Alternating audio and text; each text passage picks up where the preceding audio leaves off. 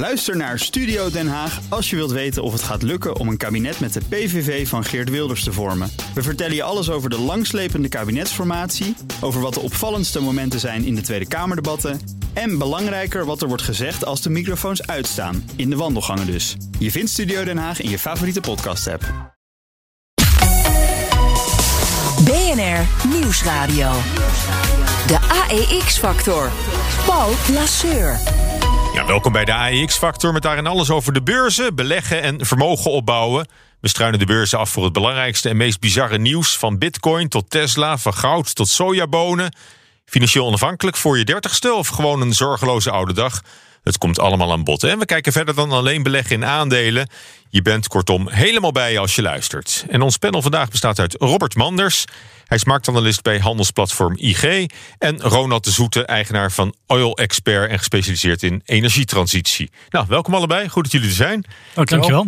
En uh, ja, de energietransitie, daar gaan we het in deze uitzending over hebben. Want na een jarenlange dip schiet ineens de prijs van uranium omhoog. Beleggers gokken massaal, of lijken erop te gokken, op een doorbraak van kernenergie. We zien het een beetje als de heilige graal in de energietransitie. Nou, of dat zo is, gaan we straks uh, met Ronald uh, bespreken. Ja, waarom? Waarom juist nu? Dat straks. We beginnen met een terugblik op het beursnieuws van de afgelopen week. De Amsterdamse AEX is voor het eerst in de geschiedenis gesloten boven de 800 punten grens. Het platenlabel Universal Music Group is naar de beurs. Uh, kent artiesten als Taylor Swift, Drake, Billie Eilish, Lady Gaga. En er werd ingeschat dat ze zo rond de 33 miljard euro waard zouden zijn. Uh, als ik nu kijk naar de huidige koers, staat die 39% hoger op 25,71 op dit moment. Gaat de Chinese vastgoedreus Evergrande het toch redden? Een klein stapje in die richting lijkt vandaag te zijn gezet. Want het bedrijf heeft een deal gesloten met Chinese obligatiehouders. En zal morgen een deel van de rente betalen. Wow, Shell nearing a deal to sell assets to ConocoPhillips for nine and a half billion dollars. Put this into perspective for us. It's a really, really, really huge deal. Ja, de Amsterdamse beurs die stevend af op een recordjaar. De AIX-index sluit voor het eerst boven de 800 punten. En door die hoge beurskoersen staan bedrijven in de rij om geld op te halen bij beleggers. Het lijkt erop dat we het vorige record uit 2006 met twee vingers in de neus gaan verbreken. Toen leverden elf beursgangen ruim 10 miljard euro op.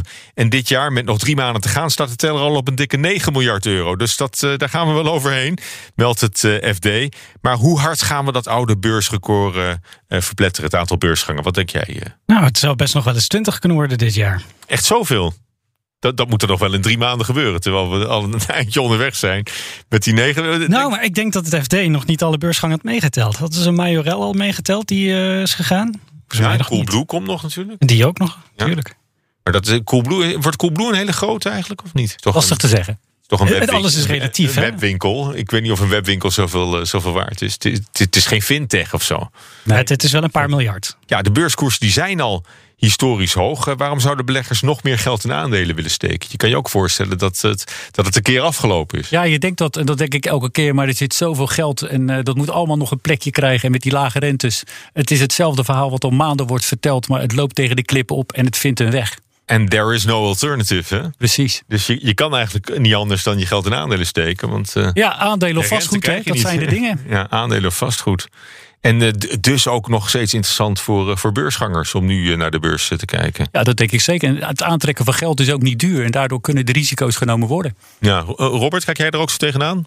Ja, er is eigenlijk geen alternatief, dus het gaat nog wel even door. Iedereen zegt het, maar ik zeg het ook. Nee, we horen ook bijna niet anders. Het is een beetje het mantra van, de, van deze uitzendingen. Uh, ja, tegelijkertijd zie je toch al wel dat de beurzen af en toe een tik naar beneden krijgen. Hè? Bijvoorbeeld door de problemen bij de Chinese vastgoedreus Evergrande. Dat is toch de laatste uh, twee weken wel een beetje een bepalend, uh, bepalend element geeft aan dat het sentiment ook wel makkelijk kan, kan omslaan. En dan ook in één keer behoorlijk, behoorlijk hard omlaag. Maar ja, we hebben wel weer die 800 punten gepakt intussen weer. Ja, het staat een beetje verbazend eigenlijk dat de AX zo goed blijft liggen met zo'n verhaal uit China. Want het doet ons toch denken aan 2008. Dat eigenlijk ook een signaal was voor een daling. En we denken toch met z'n allen dat het beperkt blijft tot China. Ja. En dat hopen we allemaal. Maar we zien dat de AX toch goed blijft liggen. En dat is toch wel een teken dat er toch vertrouwen is in de markt. Ja. Maar goed, we hebben het vorige, vorige week ook over gehad. Dat, uh, het laat zich niet helemaal met Lehman Brothers vergelijken natuurlijk. Al, al is het alleen maar hoe de, hoe de Chinese overheid hierin staat natuurlijk. Nee, klopt. De Chinese overheid is veel activistischer dan de Amerikaanse.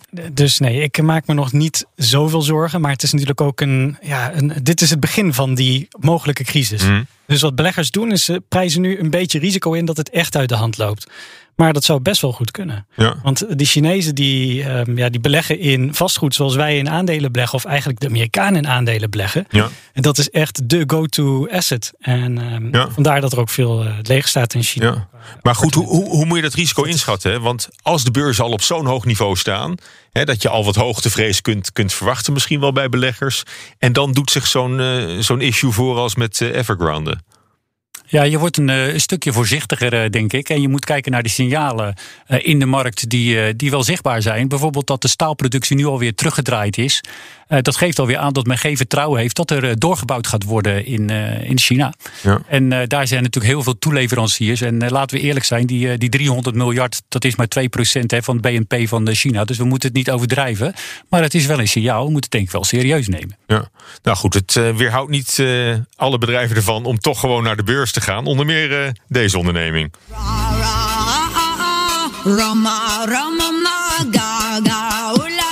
De Universal Music Group, hè, met onder meer eh, Lady Gaga in de stal, maar ook eh, Taylor Swift, begrijp ik, maakte zijn debuut aan het Damrak. En de hoge verwachtingen van analisten werden ruimschoots waargemaakt. Het aandeel knalt door het dak, sloot ruim 35% hoger. Is dat ook omdat ze profiteren van de Hosanna-stemming? Of is dat gewoon goed geregisseerd door de begeleidende banken? Hoe, hoe, hoe laat zich dat verklaren? Zo'n eh, echt, eh, ja, een beetje oude tijden herleven. Nou ja, het is een spin-off, dus ik zou niet zoveel credit geven aan de begeleidende banken. Het is echt, denk ik, dat het een ja, fundamenteel sterk verhaal is. Oh, een goed bedrijf gewoon. En een goed bedrijf, dat sowieso. Het is de grootste in de sector van de grote platenmaatschappijen. Er zijn drie Mhm. grote platenmaatschappijen. Het is een soort van oligopolie. Dat ze met z'n drieën beheersen, zeg maar. Sony Ja. is er ook eentje en Warner Media is de andere. En eh, deze Universal Music Group, dat is de grootste. En die is ook het meest winstgevend. Ja. Dus het is een heel sterk verhaal. En de sector die groeide de afgelopen twee jaar 20% van 2018 tot 2020. En Universal Music Group, die de omzet daarvan groeide met dezelfde percentage. Maar de winst, die groeide veel harder. ja. En dat maakt het eh, natuurlijk interessant voor beleggers. Maar het is toch verrassend ergens, hè? Want als je tien jaar geleden had voorspeld dat er een platenmaatschappij nu een van de grootste beursgangen van het jaar zou maken in, in Amsterdam, ja, die was voor gek verklaard.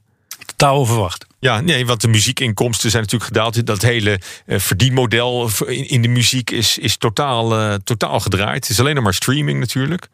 En optredens, nou dat kon ook al niet het afgelopen jaar. En ik weet ook niet of de plaatsmaatschappij daar nou zoveel aan eh, verdienen. Maar kennelijk zit er zit wel, er zit wel muziek in muziek. Ja, muziek en wat, wat er net gezegd wordt. Het businessmodel is gewoon goed. Dus de, de toekomst die zit erin. En daar spelen de beleggers ook op in. Ja, want wat, maakt die muziek dan tot zo'n eh, tot zo'n aantrekkelijk businessmodel? Ja, ik denk dat we gewoon in de, in de vraag, die is gewoon voorspelbaar. En eh, het speelt ook in deels op hypes. En die gaan eh razendsnel in deze digitale wereld. En die kunnen snel versnellen. En daar kon heel handig op ingespeeld worden. Dus aan de andere kant is die di- digitale snelheid die ermee gepaard gaat heel aantrekkelijk. Ja. En het is ook die, die stal van, eh, van, van sterren, van artiesten die ze natuurlijk hebben, die het, eh, die het heel interessant maakt. Ja, precies. Maar ja, be- beleggers hebben het wel een beetje voor het uitkiezen. hè. Maken kleine bedrijven hè, in, in dat grote geweld nog wel een beetje kans bij beleggers? Of, eh, of leggen die het eh, toch altijd af tegen die hele grote krachtpatsers die, die naar de beurs komen? Goeie vraag. Ik denk dat, eh, dat er zeker eh, ruimte is voor eh, de kleinere bedrijven. Het is alleen heel moeilijk om ze uit te zoeken. En ja, dat is natuurlijk ook waar je dan eigenlijk je moet in verdiepen. Is om te kijken van welke van die bedrijven die zitten goed in elkaar en spelen in op een nieuwe trend. En het is altijd eng om in kleine bedrijven te investeren. Kijk naar de Tesla in 2017. Niemand kende het aandeel. Vier jaar lang heeft het niks onder het water gedaan en opeens explodeerde het. En achteraf is het dan heel makkelijk om te zeggen: ja, had het maar gekocht. Maar de mannen die het echt hebben gekocht, die waren in 2015 al overtuigd van dat kleine bedrijfje dat het ging maken. En het is gewoon echt heel veel lezen en analyseren om te komen tot die kleine, maar zeker met veel potentie. Het ene aan de andere bedrijf komt intussen wel naar, naar de Amsterdamse beurs. Maar heeft dat misschien ook nog met eh, de brexit te maken? Hè? Dat bedrijven die eerder wellicht voor een notering in Londen kozen, steeds vaker naar het Damrak eh, komen? Ja, om alles op de brexit af te schuiven is ook wel een beetje matig. Maar ik denk dat Amsterdam vooral een hele sterke markt is. Je ziet dat in bepaalde sectoren Amsterdam echt uh, tot bloei aan het komen is. Dat bijvoorbeeld ook dat uh, de Universal Music Group naar Amsterdam komt. Ja, dat geeft denk ik aan dat Amsterdam gewoon een hele goede aantrekkelijke aandelenmarkt is. En zeker op de technologie in die sferen denk ik dat veel beleggers daar zeker naar Amsterdam kijken. En dat hebben we ook een beetje aan ASML te danken. Mm. Ik denk niet dat de brexit daar de hele grote drijvende factor is. Maar natuurlijk speelt het wel een rol. Want ik denk dat Londen misschien voor veel beleggers een wat minder, uh, of veel bedrijven, wat minder logische plek is om uh, ja. naar de beurs te gaan. Nou ja, want het valt op dat heel veel bedrijven die in Amsterdam een notering uh, krijgen, eigenlijk helemaal niet in ons land actief zijn.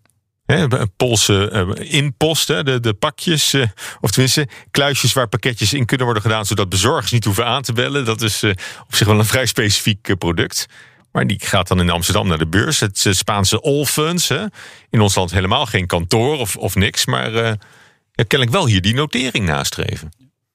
Ja, ik sluit me erbij aan. Dat is toch gewoon de image die je, die je gaat hebben. En natuurlijk, de brexit geeft ook een stukje onzekerheid. Uh, partijen die zijn ook met de regelgeving en de wetgeving... en alle juridische implicaties bezig. Nou, sommige bedrijven die kiezen dan voor saai, maar wel degelijk. Ja.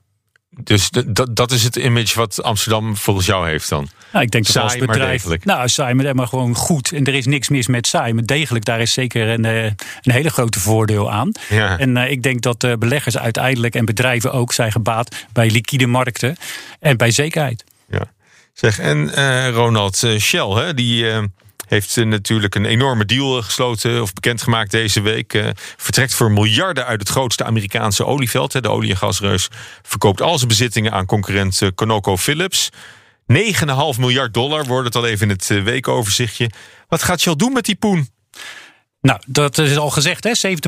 70% dividend gaat, 30% wordt zelf geïnvesteerd. Zelf ben ik razend enthousiast over Shell. En waarom? Is eigenlijk door hun productiviteit van 2,1 miljoen vaten per dag en de hogere olieprijs gaan ze een giga winst hebben. Een giga, zeg maar, cashflow ook. Ik heb het even snel uitgerekend vanochtend. Als je alleen al kijkt naar de olieprijs, dan zit daar zo'n 2 tot 2,5 miljard dollar dit kwartaal als extra ja. winst uit. LNG zien we van 3 dollar per miljoen BTU naar 4,3 stijgen ten opzichte van kwartaal 2. Maar, dan, ook maar nog eens 40 daar, daar, reken, daar reken je alleen maar uit van hoeveel, hoeveel olie ze oppompen en hoeveel gas ze produceren.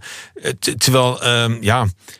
Het, het, gaat ook om de financial engineering uiteindelijk hè, bij Shell. Dus, dus wat ze met, die, met dat geld doen. Als je dan 7 miljard dollar teruggeeft aan de aandeelhouders. Ja, dan, uh, dan hou je niet veel over om te investeren in die transitie naar, uh, naar, naar, uh, naar, naar, wind en zon. Nee, maar wat graag. Kijk, dat is te grappige. De consument, de groene mensen willen graag zien dat Shell snel investeert in groene energie. Mm. We vergeten eventjes dat 2020 een dramatisch jaar was voor de olieindustrie. Hè, met negatieve olieprijzen. Dus je moet ze wat kwartalen geven dat ze weer wat vet op de botten krijgen. Daar zijn ze nu mee bezig. Ten tweede, Shell is. Maar, al... maar, maar, dan verkopen ze misschien wel de kip met de gouden eieren als ze dat veld aan ConocoPhillips nee, overdoen. Nee, want wat ze doen, en dat is natuurlijk ook de afspraak die ze hebben gemaakt, ze moeten hun CO2-print moeten ze verlagen. En wat ze dus doen, is die velden verkopen. En daardoor gaan ze voldoen aan de uitspraak hè, die de rechter heeft opgelegd. En die ze zichzelf hebben opgelegd om minder CO2 uit te gaan stoten richting 2030. En wat ze nu doen, is heel goed een spaarkas maken. En daar gaan ze zo meteen twee dingen mee doen: ondergrondse CO2-opslag en waterstof. En daar heb je heel veel geld voor nodig. Ja. Tientallen miljarden. En dat wordt nu gespaard om in 2030. Nou ja, zeg maar, niet, niet, helemaal, want een deel gaat, gaat gewoon naar de aandeelhouders terug. Ja, dat is zeg maar een afspraak die Shell gemaakt heeft uh, toen het zo slecht ging in 2020. Dat ze zeiden: aandeelhouders, jullie kunnen, komen nu in 2021 hmm. eerst. Dat is beloofd. Ook de uh, verhoging van de dividend is ook beloofd. En ze komen eigenlijk gewoon na wat ze gezegd hebben. Je kan ja. het trouwens ook van de andere kant bekijken die 7 miljard. Kijk, beleggers die dat geld krijgen, die kunnen dat natuurlijk ook zelf in duurzame energie investeren. Het hoeft niet per se Shell te zijn die dat doet. Ja, dat, dat is hoe beleggen in theorie werkt. Ja. Een vervuilend bedrijf wordt kleiner. Want dat is feitelijk wat er nu mm. gebeurt. En de belegger die kan beslissen om dat in nieuwe, groene, betere, groeiende bedrijven te stoppen. Die misschien ja, veel beter zijn in het uh, beleggen ja. in groene energie en of het ontwikkelen van groene energie dan Shell. Ja, maar per saldo verandert er in de wereld natuurlijk helemaal niks aan de CO2-uitstoot. Alleen komt het nu voor rekening van uh, ConocoPhillips. Dat, daar, heb je, daar heb je helemaal een punt. Want het wordt gewoon overgedragen van de ene partij naar de andere partij. Maar wat er wel verandert, is dat ConocoPhillips is totaal geen groen bedrijf en wil ook helemaal niet groen worden. Shell, met al dit geld wat ze ervoor krijgen, gaat het wel degelijk in groene energie stoppen. Het Portos-project, ondergrondse CO2-opslag, de waterstoffabrieken. Ze zijn met korens bezig, ze zijn met gasunie bezig, met de waterstofpijpleiding aanleggen die in 2027 klaar is. Dus laten we alsjeblieft aannemen dat Shell wel degelijk de koers aan het verleggen is. En ze gaat groen worden. En eh, je kunt me uitnodigen over een paar maanden of een paar jaar. En dan zul je zien dat we steeds meer gaan zien dat de oil majors van, van zeg maar twee jaar geleden, de zwarte olieboeren, gezien gaan worden als de groene ridders. Als de vergroeners, ja. Ja hoor, dat gaat Maar echt eh, gebeuren. gaat het dan zo snel? Want eh, ja, nog niet zo lang geleden was dat eh, Permianveld in, in Texas een, echt een kroonjuweel voor het bedrijf. Een van de kernregio's. Is dat in zo'n korte tijd eigenlijk totaal omgeslagen? Nou ja, zeg maar de publieke opinie, maar ook de uitspraak van de rechter heeft ze gedwongen eigenlijk om snel, sneller stappen te nemen. Dus daardoor moet je afscheid nemen, zoals Robert ook al zei, van die eh, olieaandelen of, of sorry, olievelden en gasvelden. En dat zijn ze nu versneld aan het doen. En ze gaan dat zo meteen ook in die groene projecten investeren. Dus die eh, groene energietransitie gaat steeds sneller gebeuren. En is het een defensieve move? Maakt Shell een knieval voor klimaatactivisten? Of heb jij het gevoel dat ze nog wel in, in control zijn? En dat ze, dat ze eigenlijk de lead nemen in deze ontwikkeling? Ja, ik denk dat beide partijen blij zijn. Ik denk dat Groen het ziet als een overwinning. En ik denk dat Shell eh, ook blij ermee is, omdat ze nu duidelijk laten zien eh, dat ze richting groen gaan. En ik ben ervan overtuigd dat we af moeten zeg maar, van het wij en zij, maar het moet gewoon samen gebeuren. Zonder de oliemajors gaan we nooit die energietransitie succesvol maken, omdat er honderden miljarden nodig zijn. En die kunnen wij niet dragen, de belastingbetaler kan het niet dragen. Alleen maar de oil majors die kunnen eh, dit soort bedragen ophoesten om waterstoffabrieken te bouwen en zeg maar Ja. CO2-velden En dit zijn al de eerste miljarden die Shell daarvoor heeft eh, kunnen vrijmaken door dit veld te verkopen. Ehm, gaan ze nog meer eh, onderdelen afstoten, nog meer ledematen afhakken? Ja, zeker, Eh, ja, zeker. Dat gaan ze zeker doen. Ze hebben nu beloofd, hè, dit jaar was 10 miljard eh, beloofd om af eh, zeg maar, te daar gaan zijn ze al bijna. Daar zijn ze al, dus dat hebben ze goed gedaan hiermee. Ze hebben ook in Deer Park in Amerika al eh, verkocht begin dit jaar. Dus ze zitten er al ruim overheen. En ze zijn ook van plan, zeg maar, dat heb je misschien ook meegekregen, om nog maar vijf raffinaderijenclusters te hebben in heel de wereld. In, in- met integratie van de chemische complexen. Dus ze gaan inderdaad afschrijven op hun raffinaderijen de komende jaren. BNR Nieuwsradio. De AEX-factor. Ja, Wesley Weerts is aangeschoven om vooruit te blikken naar komende week. Dag Wesley. Hallo Paul. Ja, de rechter die doet uitspraak in het hoge beroep tegen de Zwitserse bank UBS. Eh, De zaak gaat over belastingontduiken en witwassen. Ja, het gaat echt om een eh, gigantische zaak en ook een monsterboete van 3,7 miljard euro. Daarnaast hangt er ook nog een eh, schadevergoeding aan vast van nog eens 800 miljoen euro. En de bank die zou eh, hebben geholpen bij eh, witwassen en het ontduiken van belastingen. En nou, ze zijn daar best wel ver in gegaan. Want ehm, UBS zou namelijk vermogende klanten hebben geholpen om allerlei geld buiten het zicht van de Franse Belastingdienst te houden. Door het op Zwitserse geheime rekeningen te stallen. En daarbij zouden ook UBS-werknemers naar allerlei evenementen toe zijn gegaan. Hè. Denk, aan, denk aan golftoernooien en, en jachtpartijen of kunsttentoonstellingen. hè. Dat zijn die, die evenementen waar rijke mensen naartoe gaan. Het is een film. Dat is een soort van. Ja, dat kan, dat, dit kun je verfilmen, inderdaad. Eh, en het doel was toen van die, van die werknemers. om daar allerlei topmensen uit het bedrijfsleven en topatleten. om die zover te krijgen om dat geld uiteindelijk naar Zwitserland over te hevelen. En ja, dat probeerden ze niet alleen, maar dat lukte uiteindelijk ook nog. Eh, en in een paar jaar tijd zouden Franse klanten zo voor 10 miljard euro illegaal hebben weggesluist. En die zaak die loopt al een tijdje, sinds 2013. En de rechter die vindt die overtredingen zo ernstig dat ze dus die megaboete, recordboete, want er was nog nooit zo'n hoge boete in Frankrijk aan een bank gegeven, hebben opgelegd. Ehm, en eh, die zaak is bovendien ook onderdeel van een ja, veel grotere operatie vanuit de Franse overheid. Want die Franse overheid die zit een beetje beu, die banken, met dat witwassen en dat ze daar betrokken bij zijn, of in ieder geval niet actief op handhaven. Ehm, dus ze proberen, eh, nou ja, heeft er een Britse bank ook honderden miljoenen euro's aan boete betaald. En het ziet er nou uit dat UBS dus ook echt over de brug moet komen met een flinke zak met geld als boete voor, voor het niet op orde hebben van die witwascontroles. Ja, en wat zegt, eh, wat zegt UBS daarop? Ja, die is het dan natuurlijk niet mee eens, want daarom zijn ze uiteindelijk in, eh, in beroep gegaan. En naar eigen zeggen hebben ze helemaal niks, niks fout gedaan. Ze hebben de wet niet overtreden, zeggen ze. En ja, die veroordeling die zou, die zou dan gebaseerd zijn op allerlei ongefundeerde beschuldigingen van voormalige werknemers. Maar ja, als je gewoon kijkt ook naar uh, wat UBS inmiddels op, uh, op het lijstje heeft staan van dingen die niet mochten. Uh, en schikkingen die ze hebben gedaan, die is inmiddels toch wel aardig lang. ze hebben onder meer boetes gekregen en schikkingen moeten doen voor, voor belastingontduiking door Amerikaanse klanten, manipulatie van, van wisselkoersen. nou, dit komt er dan nog bij. En als je het allemaal bij elkaar optelt, dan, dan gaat het om miljarden euro's die ze hebben moeten betalen of nog moeten gaan betalen.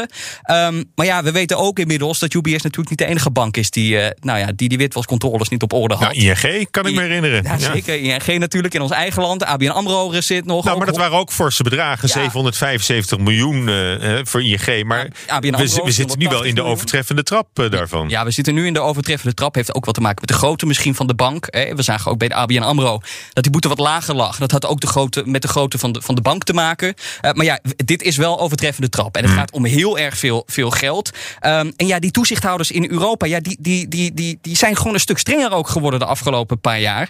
Uh, want een tijd terug eh, dachten die bankiers, nou ja, die witwascontroles doen we niet. Want dat kost geld en dat gaat ten koste van de winstgevendheid. Maar ja, tegenwoordig zeggen ze, ja, het hoort erbij, we moeten het doen. Um, maar ja, dat drukt wel extra op, op het bestaansrecht van die bank. Of in ieder geval op, op de winst. Hè, want ze hebben natuurlijk al te maken met de lage rente.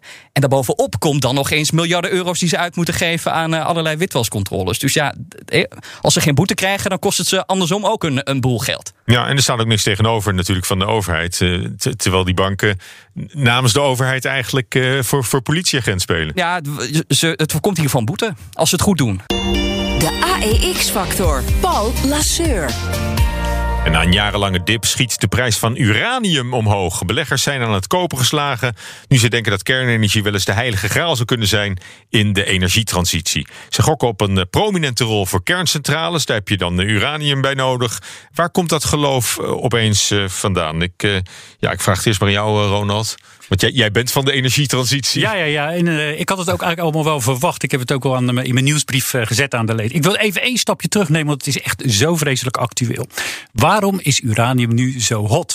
En dat komt omdat eigenlijk er een kou was. Er was een vortex februari in Amerika. In eh, februari is het koud geweest in het Verre Oosten. En het mhm. is in maart bijna elf steden toch koud geweest in Nederland. En wat gebeurt er dan? De aardgasvoorraden waren laag in alle sectoren. En ook zeg maar tot een zeer laag niveau. Dus wat gebeurt er dan? Dan gaat de aardgasprijs omhoog. Mhm. Nu in Nederland de laatste tijd hebben we heel weinig wind. Dus er is geen windenergie. Maar de, aard, uh, de maatschappijen zeg maar, die energie moeten leveren, die krijgen dus te horen van hun portfolio managers. We hebben een gebrek aan elektriciteit. Dus wordt er gezegd nog meer aardgas kopen voor onze centrales. Als gevolg gaat de aardgasprijs nog verder omhoog. Het gaat zelfs zo ver omhoog dat alle kolencentrales 100% voluit energie moeten produceren. En dan komt de vraag: ja, zijn we wel goed bezig met het milieu? Want kolen leidt tot CO2-uitstoot en gas ook. Ja. En dan blijft er eigenlijk nog maar één, 7, eh, zeg maar 24 uur, 7 dagen per week vrije CO2-uitstoot energiebron over kernenergie. Ja. En dat hebben ze in Amerika goed doorgehad. Daardoor zijn ze gaan speculeren op de uraniumprijs. Ja. Maar goed, moeten er dan niet ook nog meer kerncentrales worden gebouwd? Kijk, in Nederland hebben we zeg maar een paar, eh, drie hè, eh, kerncentrales, een kleintje in Petten, et cetera. Wereldwijd 450, er worden er nu 60 nog aangebouwd.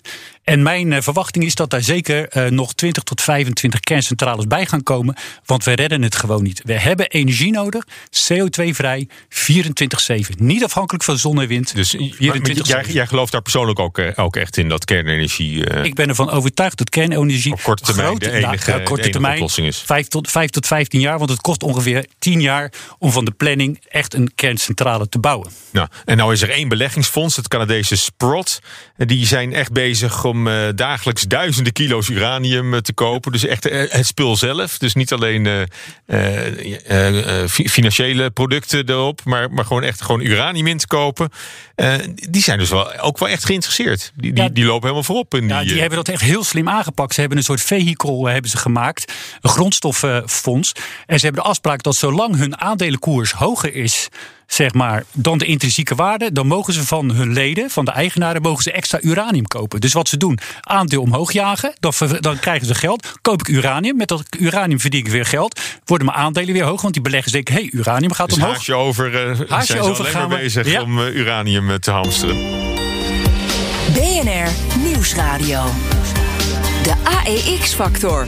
Paul Lasseur. Bij mij in de studio nog altijd Robert Manders, marktanalist bij handelsplatform IG. En Ronald de Zoete, eigenaar van Oil Expert en gespecialiseerd in de energietransitie. Ja, de, de kernenergie is natuurlijk wel omstreden. Hè? De prijs voor uranium was ook laag. De, de kernramp van Fukushima in, in Japan natuurlijk, 2011. Dat is ook alweer lang geleden trouwens. Zeker lang geleden. Is, hè? Maar goed, ja, toen zette Japan de kerncentrales uit. Duitsland ging nog een stap verder, deed kernenergie volledig in de ban. En gaan we in Duitsland ook weer kernenergie zien? Of uh, sla, slaan die nog even over? Een goede vraag. Ik, denk, Misschien met de verkiezingen nu. Dat we ik denk dat het een, uh, een punt wordt wat steeds meer aandacht krijgt. Duitsland heeft zichzelf in een moeilijke situatie gemanoeuvreerd. Ze hebben gezegd sinds het ongeluk in Japan van wij willen geen kerncentrales meer. Vervolgens hebben ze de Nord Stream 2 gaspijpleiding hebben ze met de Russen afgesloten. Dus we zijn nu als Europa voor 48% afhankelijk van gas van Rusland. En het is nu gewoon maar wachten tot er een conflict optreedt met Rusland. En vervolgens zullen we zien dat uh, daar om die reden toch weer een terugkeer gaat komen naar kernenergie. En, dat, uh, en hoe, hoe schat je het in? Ik schat in. Denk, denk je dat Duitsland over vijf jaar weer gewoon een kernenergieprogramma heeft? Uh, het hangt een beetje natuurlijk ook af uh, van hoe de verhouding ligt tussen de EU en uh, Rusland. We hebben wel wat akkefietjes als de Krim gezien.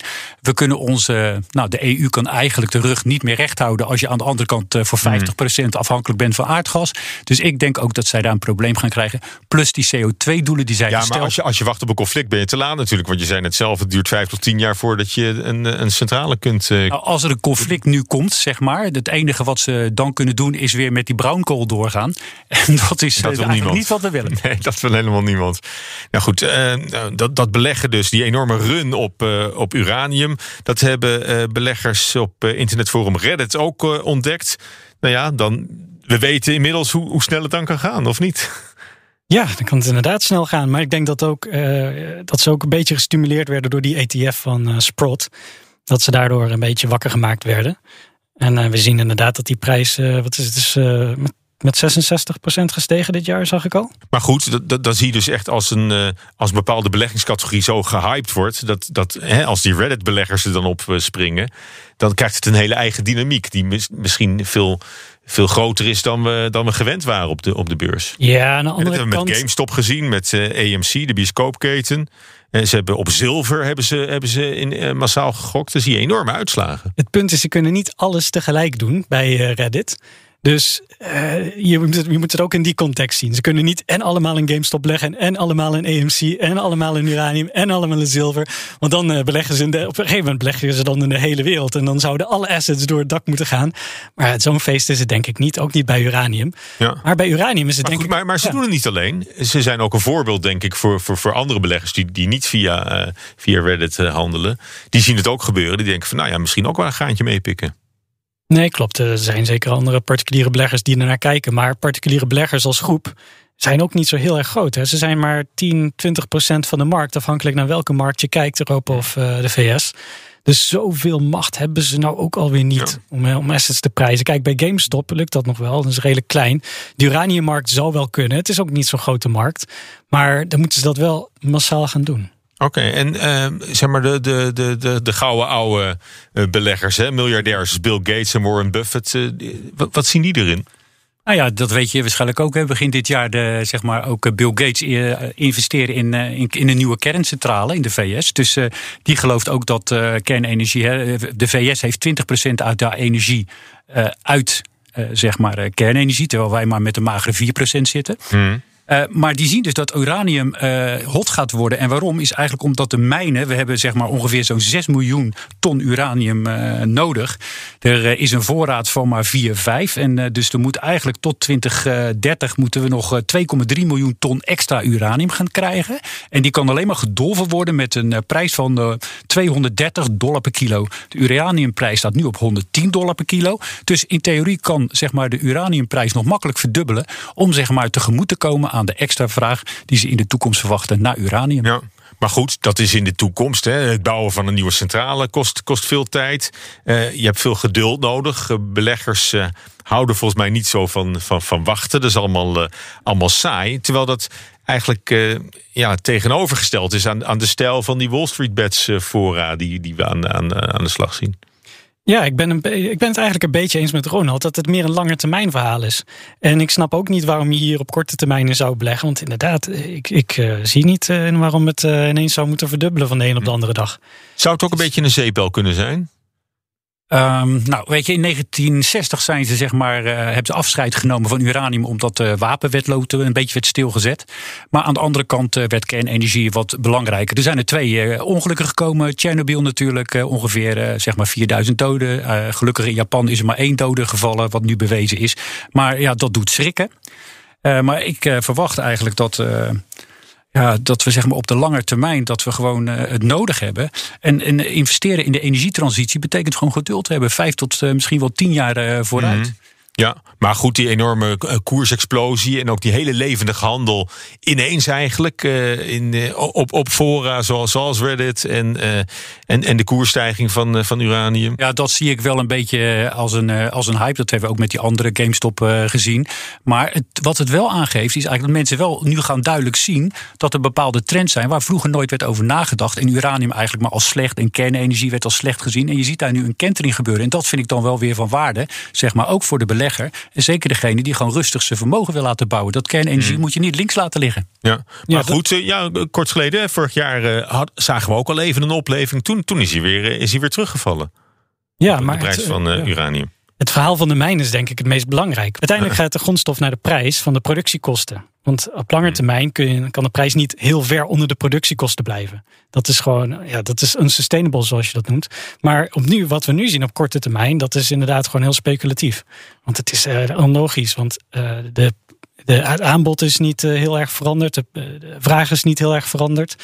Uh, je moet wel bedenken dat 70 tot 60, 60, 70 procent van deze markt, dat is speculatief. Dat zijn gewoon mensen zoals uh, Ronald en ik, uh, die geen direct belang hebben in de markt, die geen producent of afnemer zijn van uranium, die daarin handelen. Ja, die, dus die, die drijven de prijs op, op korte termijn omhoog en omlaag. Op, op, de prijsbeweging ja. Reageren. Um, dat maakt het interessant uh, voor, voor, beleggers natuurlijk. Uh, tegelijk is, is, kernenergie nog, nog, nog wel omstreden in een aantal landen. Hè. In ons land gaan evengoed steeds meer stemmen op voor, voor kernenergie. Uh, in China worden er volop kerncentrales toegevoegd nu. Klopt. Je krijgt soms een beetje het idee dat beleggers meer weten dan, dan, dan alle andere burgers in een land. Hè. Heb, heb, heb, je het gevoel dat, dat beleggers wel eens een voorspellende waarde zouden kunnen hebben? De, de, de, wat de uraniummarkt nu doet voor het, het kernenergiebeleid ook ook bij ons bijvoorbeeld?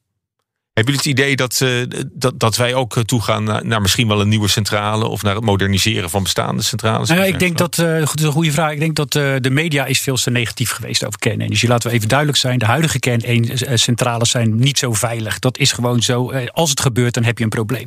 Maar de European Pressure Reactor, dat is degene die nu wordt gebouwd. We hebben veel minder pijpen en pompen en die zijn veel veiliger. Maar wat mensen vaak vergeten is dat uh, de technologie doorgaat. En we krijgen nu de, de, de vierde en de derde generatie kerncentrales. Mm. En die werken op veel hogere temperaturen. Hè, van 1000 graden naar de Very High Temperature reactor. Die gaat op 1500 graden. En wat doet dat? Dat zorgt ervoor dat er nog maar een duizendste aan afval is straks. En dat we ook nog maar 300 jaar onze kernafval hoeven op te slaan. En dat is een plaatje wat ik kan schetsen voor 2040, 2050. Dus inderdaad weer die lange termijn. Mm. Maar kernenergie gaat veilig worden. En ja. die centrales die gaan ook efficiënter om met de uranium die ze binnenkrijgen, toch? Dat, dat is ook een verhaal. Ja. Dat klopt. Maar, maar is, is, het, is het dan een, een blijvertje kernenergie? Of is het vooral in de energiemix in die transitie naar, naar nog weer hele nieuwe vormen van energie? En meer een waterstofeconomie bijvoorbeeld? Nou, wat, wat iedereen heeft natuurlijk zijn mond vol van waterstof en heeft technologie. En er zijn heel veel knappe kop op bezig. Hè. Heel respect voor al die mensen. Maar kernenergie net zoveel respect. En zeker omdat die gewoon een veilige kerncentrale gaan bouwen. En CO2-vrij. Dus ik zie gewoon eigenlijk zo meteen kernenergie hand in hand met waterstof. Ja.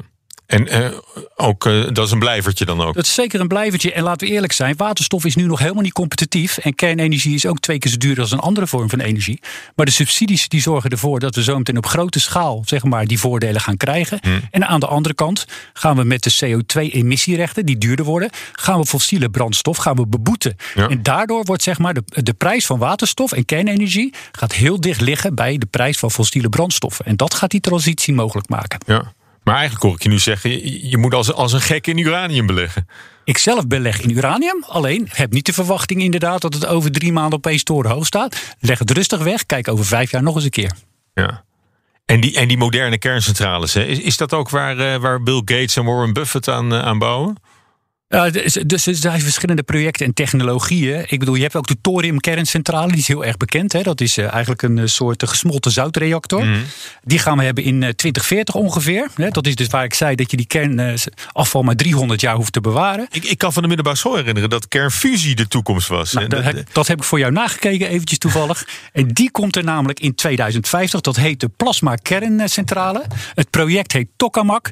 En dat is 20 miljard euro is er maar door het is de al heel lang geleden dat ik op de middelbare school zat. dus dus dat, dat is, Ja, al die is- tijd is het maar toekomstmuziek. En Ja. nu zeg je nog, het is 2050. 2050. Maar ja, er is wel 20 miljard hè, in geïnvesteerd. En het Mm. gaat komen. Maar de energietransitie, het woord zegt het al, geen revolutie, maar een transitie. Ja. Dat duurt gewoon even. Maar als wij over 50 jaar erin geslaagd zijn, alle brandstof die nu fossiel is, gewoon CO2-vrij te krijgen, dan hebben we toch een gigantische stap gezet met z'n allen. Ja. Maar goed, eh, eh, hebben we genoeg uranium in, in de bodem om, eh, om dit mogelijk te maken? Nou, we hebben ik kan dus. eh, voorstellen dat er altijd tekorten ontstaan zijn. Nou, dat is een goede vraag. Ik bedoel, we hebben 6 miljoen ton is nu bewezen, waarvan 3,5 zeg maar meteen en dan 2,5 hè, wat ik zei met die prijs van maar 260 krijg, dollar per ton. krijg, krijg je het snel genoeg naar boven? Is Ja, het makkelijk te winnen? Nou, het is, het is wel makkelijk te winnen. Dat is helemaal het probleem. Het is meer milieutechnisch en vergunningen. Om die, zeg maar, dat kost twee tot vier jaar om zo'n mijn te ontwikkelen. Maar we zeggen dat we tot nu toe hebben 50 jaar hebben we voor huidige uranium. En het atoomenergie zegt dat we nog voor 75 jaar extra nog uranium kunnen winnen. Afhankelijk natuurlijk van de marktprijs van uranium. Dus totaal hebben we nog zeker Hmm. 125 jaar aan uranium in de bodem. Ja, maar de winning van uranium, eh, dat, dat wordt dan ook wel gezegd. En dat is ook met, eh, met, met andere mijnbouw. Dat, dat is, dat is zo'n. eh, Daar worden nog heel veel fo- fossiele aangedreven machines voor, voor gebruikt. Dat is een hele smerige industrie. Ja, eh, laten we eerlijk zijn. eh, er zit altijd bij alles wel ergens een stukje wat zeg maar niet helemaal schoon is. Maar als ik dan kijk wat dat is, dat is een druppeltje op zeg maar het resultaat wat je bereikt met CO2-vrije uitstoot via een kerncentrale. Mhm. Nou ja, goed. eh, be- Beleggers hebben ook wel oren naar allerlei eh, duurzame beloftes eh, van bedrijven. Ook ook met, met, met Shell, waar we eerder over, over spraken, deze uitzending. Nou, bij kernenergie heb je te maken met het afval, met de veiligheidsvraag. eh, mogelijk misbruik voor de, voor de wapenindustrie. Eh, hoe duurzaam is het al met al? Oh, als je het in atoomwapens gaat stoppen, dan kun je het woord duurzaam denk ik niet meer proberen te hanteren. Nee, Ehm, nee, nee, nee, maar het is, maar het is, het is toch een, een beetje een, een, een- een verdachte bedrijfstak eh, altijd. Ja, maar die perceptie die bestaat, al, die bestaat al heel lang. En ik heb het idee dat dat een beetje een irrationele perceptie is eh, geworden. Mijn moeder is ook heel erg tegen kernenergie. Maar ik heb haar dan gevraagd, Hmm. ja, waarom dan? En zei ze, ja, daar was ik al in de jaren tachtig tegen of zo. Ja, maar weet ik van ja. Ja. Maar dan denk ik dan, ja, oké, is dat een goede reden? Ik denk het niet, maar Ja, maar niet dat ze luistert het is, trouwens. Het is, het is maar- wel een reden dat sommige grote beleggers met een, met een, met een maatschappelijk profiel eh, aarzelen om, eh, om, om mee te doen. Het gaat altijd, aan- om, aan het, eh, het gaat altijd om het afval, toch? Daar, Ja, dat nou is ja, het hele goed, verhaal. Maar, maar, maar voor pensioenfondsen of zo, ik noem maar wat, die, die zullen niet. eh, Nee, maar het is denk ik de misperceptie. Ik bedoel, kijk je naar de centrale van Borselen. Hoeveel denk je nou, hoeveel afval komt er nou uit Borselen in een jaar? Wat denk je? ja, ja, Eén vat. zeg maar. Eén vat. Dus gewoon één vat. En daar zit zeg maar sterk radioactief afval. Dat moet dan onder de grond. Ja, Moet goed, daar maar als, als, als dat vat bij mij op de oprit staat, ben ik, ben ik niet blij. Nee, maar dat zit, het zit 200, 100 meter, zeg maar 200 meter onder de grond. Hè. Olie zit al miljoenen jaren onder de grond. Maken we ook geen problemen van. Het zit er gewoon, hoeven niet aan te komen. Wegblijven, geen gevaar. We moeten af zeg maar, van die negativiteit. En we moeten gewoon kijken, hoe kunnen wij met de huidige oil majors... hoe kunnen we met het geld wat zij verdienen slim omgaan... Met zeg maar energie, waterstof, kernenergie, ondergrondse CO2-opslag. En zo zeg maar gaan naar die schone toekomst. Ja, en toch hoor ik Shell nog niet zeggen, wij gaan ook kernenergie doen. Nee, maar dat ligt ook helemaal niet zeg maar in hun eh, vakgebied. Ja, Zij maar zijn waterstof ook niet. En, en, Ja. en, en wind en zon ook niet. waterstof wel degelijk. En waarom? Omdat waterstof, daar hebben ze heel veel ervaring. Ze maken in de raffinaderij in Pernis maken ze heel veel waterstof. Terwijl het meeste al in heel Nederland. Zij weten precies hoe je waterstof maakt, hoe je het controleerbaar houdt, hoe je de kostprijs kan verlagen. En vergis je niet dat ze met aardgas, doordat ze samenwerkten met de ESSO en de NAM in Groningen, heel veel ervaring ja, nee, hebben. Oké, waterstof, eh, oké. maar eh, qua kernenergie kan ik me voorstellen... eh, Shell is straks een bedrijf wat, wat, wat als doel heeft, als missie... om, om energie te leveren aan, aan, aan de wereld.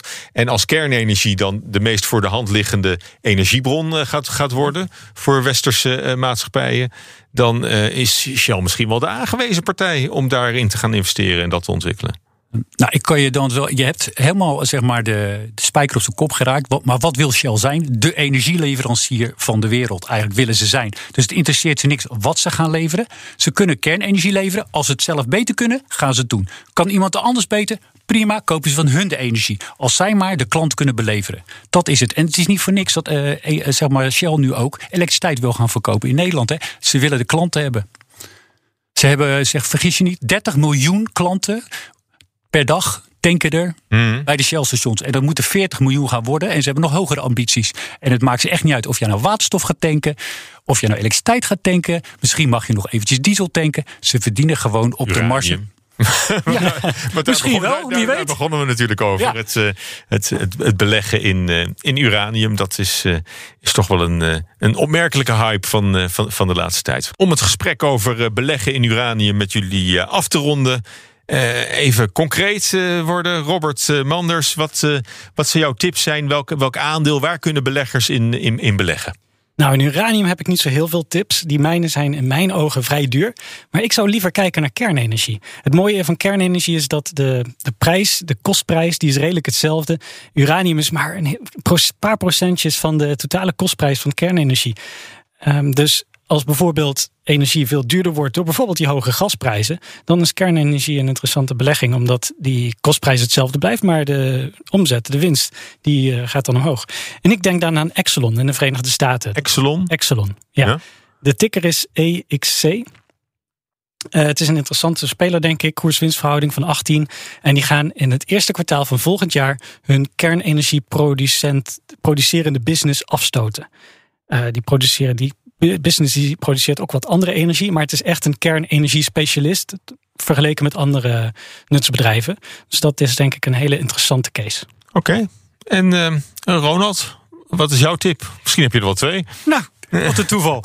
Kijk, we hebben in eh, uranium te maken met de lange termijnmarkt, heb ik al gezegd. Dus wat is het allerbelangrijkste voor zo'n bedrijf wat je selecteert? Is dat het financieel gezond is. En daar heb ik er twee mooie uitgezocht die eigenlijk en financieel gezond zijn en gewoon mee kunnen groeien met de ontwikkeling van de prijs van uranium. De eerste is eh, Cameco, tickercode CCO. En de tweede is Denison Mine, tickercode DML. En die heb ik inderdaad gekozen. Niet alleen omdat ze financieel gezond zijn, maar ik denk ook echt dat die uraniumprijs nog wel kan gaan verdubbelen over de komende vijf tot tien jaar. Dus ik zou zeggen, als belegger, doe je voordeel ermee. Ja, dus je had, eh, je, je- je had er nog wel een paar kunnen noemen Ik had waarschijnlijk. er nog wel een paar kunnen doen, maar ja, ik denk, Maar, eh, maar laat deze, het even simpel deze houden. springen er voor jou uit Ja, eh, als je kijkt naar de verhouding financiële gezondheid en, en vooruitzichten in deze, in deze markt. Inderdaad. Nou, hartelijk dank voor jullie bijdrage en voor de tips. Robert Manders, marktanalist bij handelsplatform IG. En Ronald de Zoete, eigenaar van Oil Experts en gespecialiseerd in de energietransitie. Ik hoop dat je volgende week vrijdag om 7 uur weer luistert naar een nieuwe aflevering van BNR AEX Factor op de radio of natuurlijk gewoon via de favoriete podcast-app. En heb je voor ons nou een gouden beleggingstip of een vraag voor het panel? Vertel het ons, stuur een mailtje naar aexfactor.bnr.nl. Tot volgende week. Bij BNR ben je altijd als eerste op de hoogte van het laatste nieuws. Luister dagelijks live via internet. Bas van Werven. En heel langzaam komt de zon op rond dit tijdstip. Je krijgt inzicht in de dag die komt op BNR, het Binnenhof in Nederland en de rest van de wereld. De Ochtendspits. Voor de beste start van je werkdag. Blijf scherp en mis niets.